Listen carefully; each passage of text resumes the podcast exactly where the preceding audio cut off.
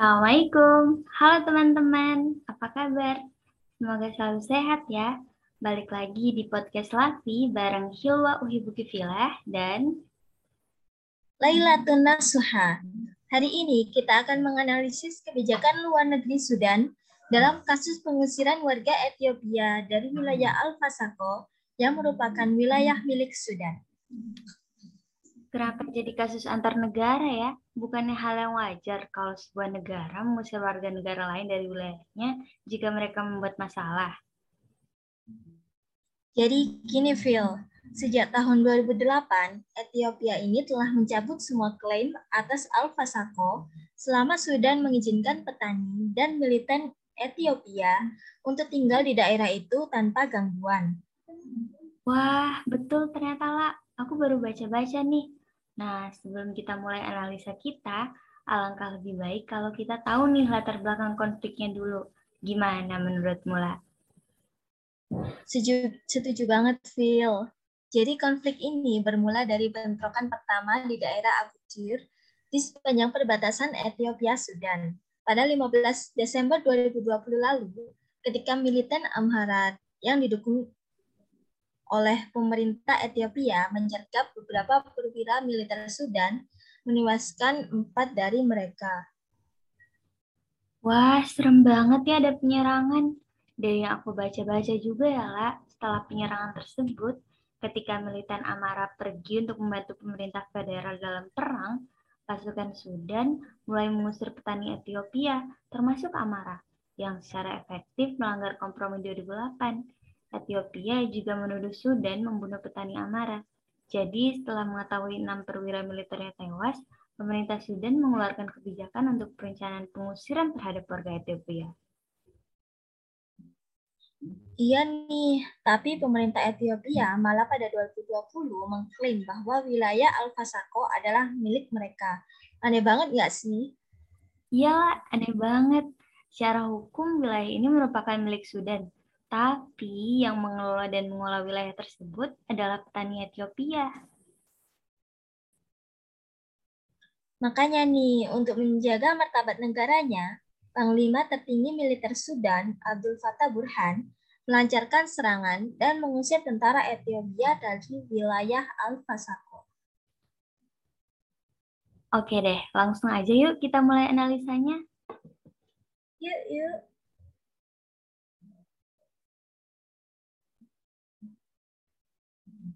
Pengusiran yang dilakukan oleh militer Sudan diketuai oleh Panglima Tertinggi Militer Sudan Abdul Fattah al-Burhan. Panglima Tertinggi Militer Sudan Abdul Fattah al-Burhan lahir pada tahun 1960 di Desa Gandatu di Sudan Utara. Ia bergabung dengan Sekolah Militer Sudan dan setelah lulus, Abdul Fattah al-Burhan bekerja sebagai tentara Sudan dan berpartisipasi dalam medan pertempuran dalam Perang Darfur dan dalam Perang Saudara Sudan kedua di Sudan Selatan dan wilayah lainnya. Abdul Fattah al-Burhan dikenal sebagai pimpinan militer yang frontal dan tegas. Mengutip dari BBC News, Abdul Fattah al-Burhan setelah diangkat sebagai Kepala Dewan Militer Transisi Sudan pada April 2019 lalu dengan berani mengatakan pada Omar al-Bashir yang merupakan pemimpin saat itu untuk mengakhiri kekuasaannya yang sudah berlangsung selama tiga dekade. Burhan berkata pada BBC, I went to see him and inform him. I told him the leadership of the armed forces had decided the situation was getting out of hand, and therefore he should step down. Yang dalam bahasa Indonesia berarti, saya pergi menemuinya dan memberitahu dia.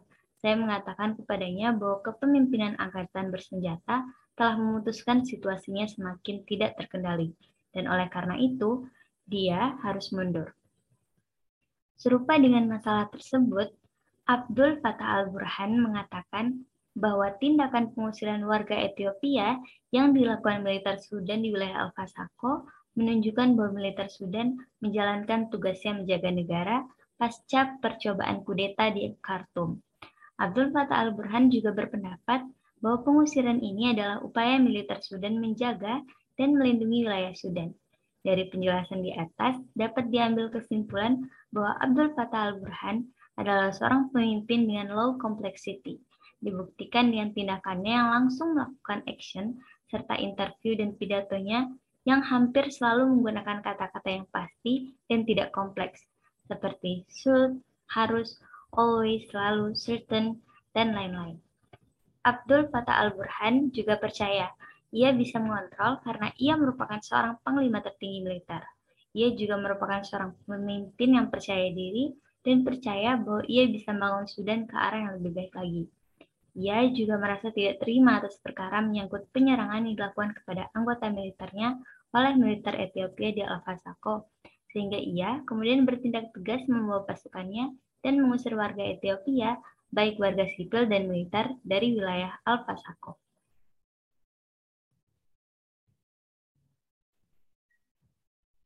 Konflik antara Sudan dan Ethiopia yang sampai sekarang belum selesai ini telah berjalan begitu lamanya.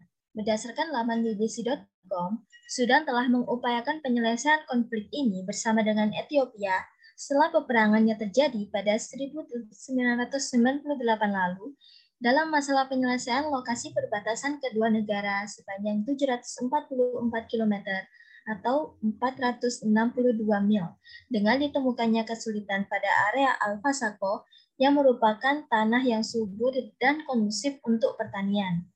Berdasarkan perjanjian era kolonial tahun 1902 dan 1907, batas internasional membentang ke timur. Dengan ini, maka tanah Al-Fasako tersebut menjadi milik Sudan. Namun, masyarakat Ethiopia yang telah tinggal di daerah tersebut diizinkan oleh Sudan dengan tanpa adanya gangguan merujuk pada negosiasi yang dilakukan pemerintah keduanya di tahun 2008. Pada saat itu, Sudan yang dipimpin oleh Omar al-Bashir tidak menghiraukan hal tersebut dan terkesan membiarkan dan bahkan tidak terlalu peduli akan serangan teritorial terhadap negaranya. Namun, permasalahan perbatasan ini ditanggapi oleh pemimpin selanjutnya seiring protes rakyat terhadap pemerintahan al-Bashir yang akhirnya menyebabkan penggulingan. Pada era ini, telah dimulai pembicaraan dengan Ethiopia dalam upaya untuk menarik katanya Ethiopia dan untuk kali pertama setelah kurang lebih 25 tahun, Sudan menempatkan pasukannya di sepanjang jalur perbatasan Al-Fasako. Menurut Letnan Jenderal Abdul Fattah al-Burhan, Ketua Dewan Kedaulatan Sudan, Hal ini terjadi setelah serangan yang mendorong tim keamanan tinggi untuk mengunjungi daerah tersebut, seperti adanya para pengembala yang kehilangan ternaknya dan petani kehilangan tanah mereka. Militer Sudan pun mengucapkan janji mereka untuk bersedia dan siap untuk melindungi warga dan wilayahnya. Berdasarkan laman aljazeera.com, pada selasa lalu, Jabal Kala al-Laban berhasil direbut oleh Sudan yang merupakan daerah dekat perbatasan yang disengketan, disengketakan seiringan dengan serangan artileri dan serangan udara.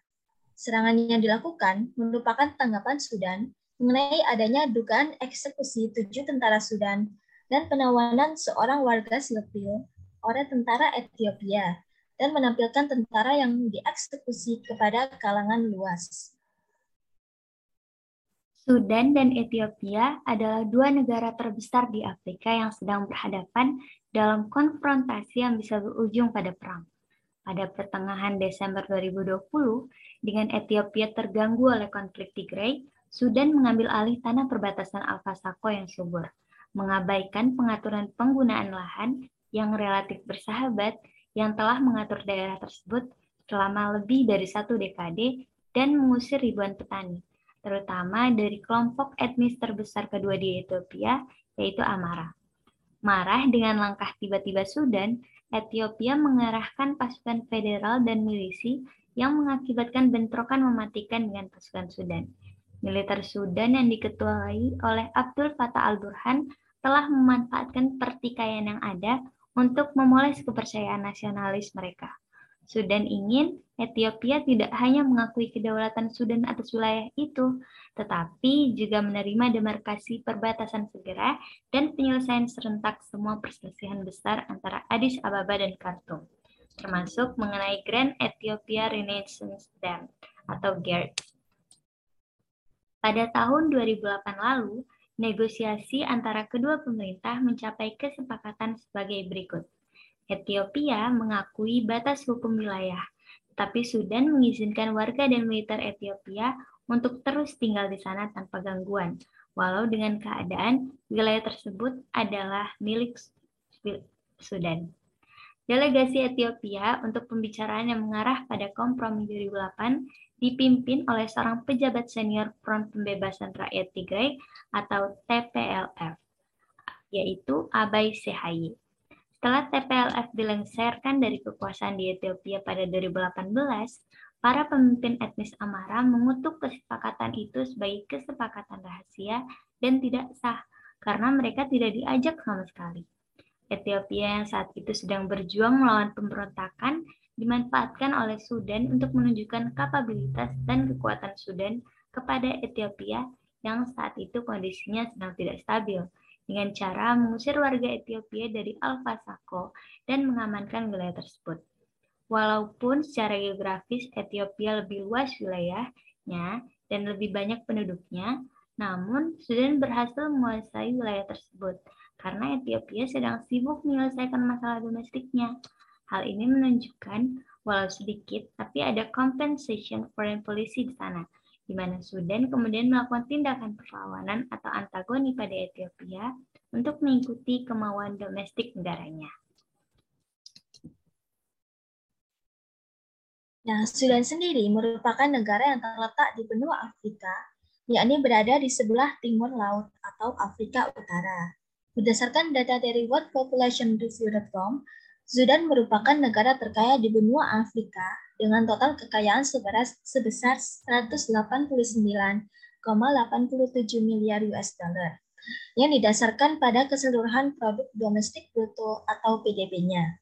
Di sini, Sudan menempati posisi ke-10, sedangkan negara Ethiopia yang menjadi lawannya dalam konflik ini berada pada urutan ke-6 dengan total kekayaan 298,57 miliar US dollar. Pemeringkatan ini berdasarkan International Monetary Fund atau IMF pada tahun 2021.